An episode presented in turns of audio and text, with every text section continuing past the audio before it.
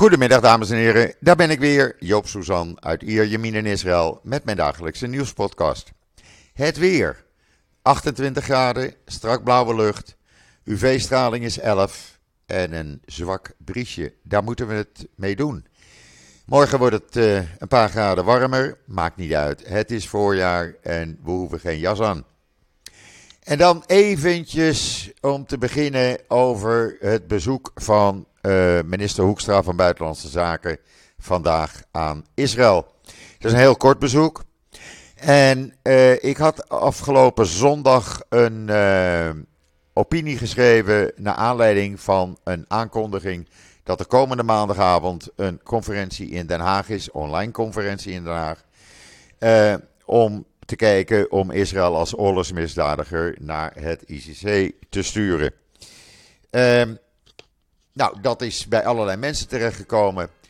Uh, onder andere het NIW is dat uit gaan zoeken.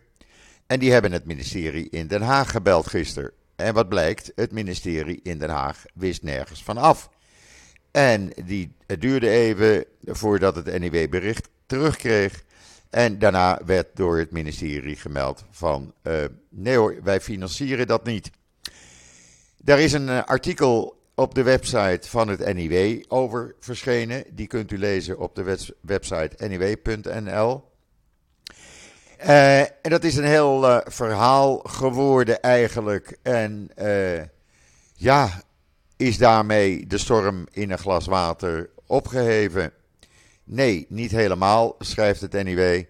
Want het feit blijft dat een Nederlandse NGO een aan de PFLP verbonden organisatie en zijn directeur uitnodigt om in Den Haag Israël te komen bashen en het ICC, het internationale strafhof in Den Haag, op te roepen de Joodse staat wegens oorlogsmisdaden en apartheid te vervolgen. En dat helemaal na, net nadat minister Hoekstra namens de Nederlandse regering de apartheidsmythe van Amnesty van tafel had geveegd. Dus uh, reden voor uh, uh, PVV-Kamerlid Raymond Roy om vragen te stellen aan de minister. Daar is nog geen antwoord op, maar dat zal hoogstwaarschijnlijk in de komende dagen wel komen. wij houden u op de hoogte samen met het NIW. Wordt vervolgd dus, zullen we maar zeggen. En dan uh, COVID in Israël. Nou, zoals ik gisteren al zei, het blijft een beetje zo rond de uh, 2000 uh, besmettingen per dag. Gisteren waren er 2211 nieuwe besmettingen. Er werden 54.306 mensen op COVID getest. 4,07%, oftewel 2211 besmet. Er zijn uh, eh, 15.935 mensen met het COVID-virus onder de leden in Israël. 101 ernstig ziek uh, in de ziekenhuizen. 57 van hen kritiek. En 47 zijn aangesloten aan beademingsapparatuur. Het aantal doden door COVID is gestegen naar 10.812, met 6 dus. Nou is dat niet zo dat het elke dag, uh, dat dat gisteren dus 6 mensen waren dat loopt een beetje achter. Inmiddels heeft u ook kunnen lezen op israelnieuws.nl dat vanaf 23 mei op internationale vluchten van en naar Israël geen mondkapjes meer verplicht zijn. Ik zou het iedereen adviseren het wel te doen, maar goed, dat moet je allemaal zelf weten. Uh, u weet inmiddels ook dat vanaf komende zaterdag 21 mei geen uh, testen meer uh, nodig zijn. En dan heeft Israël vanmorgen bekendgemaakt 2000 helmen en 500 beschermingsvesten voor noodorganisaties en civiele organisaties in Oekraïne te leveren. Die zijn al onderweg. De foto in het artikel is van uh, Ben Gurion Airport, waar de lading klaar stond. Uh, minister van Defensie Gans had dat al eerder aangekondigd in april. En uh, hij komt zijn belofte nu na. Uh, eerder had Israël natuurlijk al humanitaire hulp verleend, uh, zoals dat veldhospitaal, en 100 ton uh, humanitaire benodigdheden geleverd, waaronder waterzuiveringssystemen medische apparatuur, dekens en jassen. Wapens en verdedigingssystemen heeft het nog niet gestuurd. Want Israël is bang voor verdere verslechtering van de banden met Rusland. Waarmee uh, Israël juist zijn uh, aanvallen op pro-Iraanse doelen in Syrië coördineert. Al dus Haaretz. Ja, alles heeft met elkaar te maken, zullen we maar zeggen. En dan kunt u ook lezen uh, op israelnieuws.nl dat premier Bennett gisteren de lokale raad van uh, Elkana heeft bezocht in Judea en Samaria. Uh, want die vierde de 45e verjaardag van zijn oprichting. Dat werd een heel feest met kinderen, die horen daar dan bij. En uh, ja, hij, uh, Bennett was lovend voor die nederzetting en alles wat daarbij hoort. Lees het allemaal maar op israelnieuws.nl, zou ik zeggen. Want anders heb ik weer niks te vertellen. En dan, ja, na wekenlang, of eigenlijk maandenlang gesloten te zijn geweest, is de vlag weer gehesen boven de Israëlische ambassade in Kiev. Uh, er werkt nu een kleine staf. Hij gaat binnenkort volledig open. Uh, de ambassadeur is er nu. Vier Israëlische diplomaten zijn er.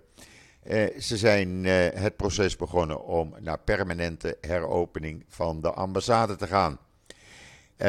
In een telefoongesprek met de Times of Israel zei de ambassadeur dat ze proberen zo snel mogelijk weer volledig open te zijn. Maar dat hangt ook af van de ontwikkelingen ter plekke. Goed teken en goed dat Israël dat weer doet. Dat geeft vertrouwen. Wie ook weer open zijn, dat zijn uh, de horeca-gelegenheden, zoals het Effendi Hotel van Uri Jeremias in Akko. Of Akre, zoals wij het noemen. Uh, een jaar geleden waren daar ook ernstige rellen tijdens die Gaza-oorlog tussen Joden en Arabieren. restaurants, hotels, alles werd vernield. Die twee bedrijven die het ergste getroffen waren, die hebben toch besloten om weer te gaan opbouwen. Het Effendi Hotel is weer open. het Arabische restaurant van Uri Jeremias is weer open. En we kunnen er weer gewoon eten en drinken en slapen. Bent u in Israël? Ik zou zeggen uh, vereer ze met een bezoekje. Ga er even langs. Ze hebben het echt nodig. Ga een hapje eten. Ik ga het van de week uh, of volgende week doen. Als ik uh, naar mijn broer in de kibbutz ga. En als ik daarvan terugkom, even een hapje eten. En wat drinken in een van die Arabische restaurants in Akko. U kunt het hele verhaal natuurlijk ook lezen op israelnieuws.nl. En dan president eh, Herzog en zijn vrouw hebben voor het eerst een klimaatforum in Israël georganiseerd. Hoe mooi is dat? De knapste koppen op klimaatgebied in Israël waren in de residentie. En men heeft gediscussieerd over allerlei nieuwe uh, uh, milieubeschermende maatregelen, klimaatinitiatieven, et cetera, et cetera. Uh, het is heel positief gegaan. En ook dit kan je natuurlijk weer lezen op israelnieuws.nl. Uh, maar een goede ontwikkeling, zullen we maar zeggen. En wat ook mooi is, er is ontdekt dat de stenen voor de koninklijke, koninklijke albaste badkuipen, badkuipen van koning Herodes de Grote, die blijken uit Israël te zijn gekomen. Ja, hoe verzin je het? Maar het is wel zo. Dat was al uh, ja, in de tijd van uh, uh, de zuidelijke Levant, dat is het huidige Israël en de Palestijnse gebieden. En daar werd calciet albaste gevonden, dat steen. En dat hebben ze dus ook gebruikt voor die badkuipen. Schitterende foto's, een mooi verhaal, allemaal op Israël Nieuws te lezen en te bekijken. Ja, en dan iets heel, uh, ja, iets heel ontroerends of, of moeilijk wat er eigenlijk is gebeurd vanmorgen. Premier Bennett die ging op bezoek bij, op rouwbezoek bij de familie van de politiecommando die afgelopen vrijdag is omgekomen bij Jenin tijdens gevechten. En hij ging daar op rouwbezoek bij de vrouw en zes kinderen. En ja, toen kwam de oudste zoon naar Bennett toe. En die zei tegen Bennett: Je bent niet beter dan de terrorist die mijn vader heeft vermoord. Hoe kun je naar jezelf in de spiegel kijken? zei die zoon tegen Bennett. Uh, hij voegde daaraan toe: uh, Je hebt een gewonde terrorist naar een Israëlisch ziekenhuis gebracht. Dat was het Rambam ziekenhuis in Haifa. Maar mijn vader heeft het daar niet kunnen halen, zei uh, de zoon tegen Bennett. En hij zei ook tegen Bennett dat zijn vader werd gedood vanwege een beslissing om terroristen niet met raketten aan te vallen en in plaats daarvan de troepen in gevaar te brengen. Uh, ja, natuurlijk was Bennett hier op voorbereid. En hij zei tegen de nabestaanden en met name tegen die zoon: uh, Je hebt het recht om te zeggen wat je wil. Het is mijn taak om naar je te luisteren. Dat zei Bennett. Hij voegde daar wel aan toe: De familie van Noam Ras is een van de pioniers die toegewijd zijn aan het Sionisme. Ze verloren Noam, een zeldzame, moedige en bescheiden figuur. Mogen zijn nagedachtenis gezegend zijn. Hij zal voor altijd in onze harten worden herinnerd. Aldus Bennett. Er was ook nog een hele kleine demonstratie, maar ik kan me dat wel voorstellen dat mensen die net hun man en vader hebben verloren op deze manier reageren. En ik vind het mooi van Bennett dat hij luistert en niet kwaad is weggelopen. Ook dat uh, uh, is Bennett. Ja, en dan krijg je kort daarna het bericht van de Likud-partij, die een verkiezingscampagne is het aan het voorbereiden is. Onder de leuze Arabieren nemen het land over. En met die leuze richten ze zich op de extreemrechtse kiezers. Ja, een normale Israëli die weet dat dat niet zo is. En dat heeft allemaal te maken met de samenwerking die de regering eh, op dit moment heeft met de islamitische Ra'am-partij. Een samenwerking die Netanyahu een jaar geleden probeerde uh, rond te breien. Uh, uh, Abbas, de leider van de Ra'am-partij, is toen vier keer in Balfour geweest in Jeruzalem. Heeft met net Netanyahu gesproken, maar uiteindelijk gekozen voor Lapid en Bennett. In de kranten schrijft men: Het wordt een draconische campagne van de partij van oppositieleider Netanyahu. Bedoeld om de woede over de recente terroristische aanslagen, sommige gepleegd door Arabische Israëli's, en de rellen in Jeruzalem en elders om te zetten in stemmen bij de stembus. Ja, ik weet niet of je dit nou op deze manier wil doen. Ze voegen er nog aan toe, de Likud, dat ze ook nieuwe wetten willen wat inhoudt dat familie van terroristen worden gedeporteerd. Eh, als ze Israëlisch staatsburgerschap hebben. Nou, dat heeft eh, de regering Bennett Lapid al voorgesteld. Gevangenisstraffen voor het voeren van de Palestijnse vlag en voor het verbranden van de Israëlische vlag. En het intrekken van staatsburgerschap voor diegenen die erop uittrekken om te demonstreren in tijden van oorlog. Nou, dat laatste. Ik vind, we leven in een democratisch land. En daar bestaat het belangrijkste democratische recht op demonstratie. Je mag demonstreren. En als je niet meer mag demonstreren, dan leef je in een dictatuur. Zo simpel is dat voor mij. Dus ja, dat ik hier niet achter sta en dat ik hier kwaad over ben, ja, dat, uh, dat mag duidelijk zijn. Het valt allemaal te lezen, dit verhaal, in uh, The Times of Israel vanmorgen. En als we dan toch over uh, coexist coexistentie hebben. In Ynet, de Engelse Ynet, vanmorgen een heel verhaal over het Sheba Medical Center. Want dat dient in Israël als het model voor coexistentie. Want uh, ja, werknemers, patiënten, uh, het zijn Joden, het zijn moslims, het zijn christenen, het zijn niet-gelovigen. iedereen is welkom. En dat is trouwens niet alleen in dit ziekenhuis, het Sheba ziekenhuis. Ik heb het meegemaakt toen mijn partner uh, voor haar overlijden in het Igilov lag in Tel Aviv. En daar lag ze ook soms met een Arabische vrouw op de kamer. Uh, Arabisch personeel verzorgde haar, Arabische artsen verzorgden haar. Net zo goed als de Joodse artsen dit deden. Dus uh, ja, laten we zeggen, contrary uh, wat Netanyahu en zijn club beweert. Het is niet waar. En juist daarom is dit verhaal in Bijnet belangrijk om even te lezen. Ja, dan is er morgen een algemene staking van ziekenhuizen en klinieken. Alle artsen en verplegend personeel eh, staakt. En dat heeft te maken met die aanval die een Arabische familie deed uit Oost-Jeruzalem op het Hadassah Mount Scopus ziekenhuis. Na, tegen het personeel uh, computers heeft vernield, ramen heeft ingeslagen. Van alles en nog wat op de grond kapot heeft geslagen. En alleen maar omdat ze naar het ziekenhuis werden geroepen om te horen te krijgen dat een van hun familieleden niet meer te redden was nadat hij een overdosis drugs had geslikt. Dan ga je niet een ziekenhuis in elkaar slaan. En dan ga je niet verplegend personeel bedreigen en in elkaar slaan. Dat is gebeurd.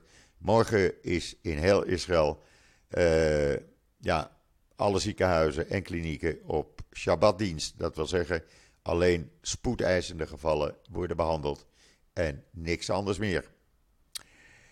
En dan voor het eerst na 50 jaar heeft Israël weer een uh, ambassadeur in uh, Tjaad. 50 jaar is dat niet gebeurd. Het is het grootste moslimland uh, in Afrika, of een van de grotere. En ja, we hebben weer een vertegenwoordiger. Nou is het niet zo dat die ambassadeur in Tjaad gaat zitten, want die vertegenwoordigt Israël ook in Senegal, Gambia en Guinea. Maar daar valt nu Tjaad ook bij een mooie mijlpaal weer voor Israël. En als je maar geduld hebt, wordt alles weer normaal, zoals het dan heet. Iets bijzonders hebben ze ontdekt uh, voor de kust onder water bij Tel Aviv. En dat wordt nu een beschermd zeereservaat. Het is bij Palmachim uh, strand. Dat ligt iets ten zuiden van uh, Tel Aviv. En ja, doordat dit nu een beschermd zeereservaat wordt, wordt het aantal zeereservaten of natuurreservaten in zee voor de kust van Israël verdubbeld. Er vallen enorme zeldzame koralen, inktvissen, haaien, methaanbronnen en andere unieke flora en fauna uh, te bewonderen en die blijven dan ook behouden. Uh, er mag dus bijvoorbeeld niet naar gas gezocht worden. Uh, er mag niks meer eigenlijk dan. Het is gewoon beschermd zoals beschermd hoort te zijn. Ik ben er blij om, want natuur, het moet behouden blijven. En dan een heel apart verhaal in Kalkalist, een financieel dagblad online. Yandex, de Russische Google, zullen we het maar noemen. Uh, maar ook van uh, de taxiservice en de etensware bezorgservice van restaurants. Die wil uit Rusland weg. De oprichter, meneer Arkady Folos, die heeft aan uh, Bennett en drie ministers brieven gestuurd dat hij heeft besloten het hoofdkantoor vanuit Rusland naar Tel Aviv te verhuizen. En hij vraagt om speciale voorwaarden voor de niet-Israëlische werknemers. Want hij probeert natuurlijk ook zijn uh, meest getrouwe werknemers mee te nemen. En op die manier zou hij dus de Russische Google uit Rusland weghalen. Dat zou toch iets bijzonders zijn, want uh, ja, uh, zij hebben ook de taxidienst Yango bijvoorbeeld. Uh, en die komt dan in Tel Aviv met hoofdkantoor. En dan uh, de IDF heeft zijn militaire oefening in Umm al-Fahim niet door laten gaan. er is op dit moment een grote militaire oefening aan de hand. U weet dat als u Israël Nieuws heeft gelezen. En de burgemeester van Umm al had aan de eh, geschreven van jongens doe dat niet, want dan krijg ik weer rellen. Jullie hebben het voorbeeld gezien van eerdere oefeningen in uh, mijn stad. IDF uh, eh, opperbevelhebber Kogavi heeft dat besproken met Gans en ze gingen aan akkoord. Er wordt niet geoefend in uh, al Dan voorkomen we rellen en die hebben we toch al genoeg. Waar wel geoefend wordt, is op 29 mei boven Cyprus. En dat wordt heel bijzonder, want dan gaat men oefenen, de Israëlische luchtmacht hoofdzakelijk, op een aanval, voor een aanval op Iran. En het bijzondere is dat daar nu ook Amerikaanse tankvliegtuigen aan mee gaan doen. Dat is vanmorgen bekendgemaakt. Houd het in de gaten. Ik doe dat ook voor jullie. En dan, zodra er wat nieuws over bekend is, over deze bijzondere oefening op 29 mei, ik laat het jullie weten. Inmiddels is Gans onderweg naar Washington. Die gaat spreken met zijn collega uit Amerika. Uh, die is vrijdag weer terug, want hij gaat praten over een eventuele aanval op uh, Iran. En hij gaat ook praten hoe zij kunnen helpen Israël met het beëindigen van die oorlog tussen Rusland en Oekraïne. Je ziet, het is een druk landje. we zijn met van alles en nog wat bezig. Maar ja, zo werkt dat nou eenmaal hier in Israël. mensen die hier wonen, die naar mij luisteren, uh, naar deze podcast, die weten wat ik bedoel. In Israël, je hebt never a dull moment. Je hoeft je nooit af te vragen. Goh, het is uh, twee uur, wat zullen we nu eens gaan doen? Nee, er is hier constant nieuws, constant nieuws. En ja, hoe dat zich verder vandaag gaat ontwikkelen. Ik zit op nog wat dingetjes te wachten, wat nieuws. ik heb het er druk mee en het houdt me lekker bezig. Ik ben er blij om. Ja, dat brengt mij toch tot het einde van deze podcast. Eh, want ik heb nog meer dingen te doen. Maar goed, eh, sowieso, ik wens iedereen een hele fijne voortzetting van deze woensdag, de 18e mei. Eh, ik ben er morgen weer en zeg zoals altijd: tot ziens, tot morgen.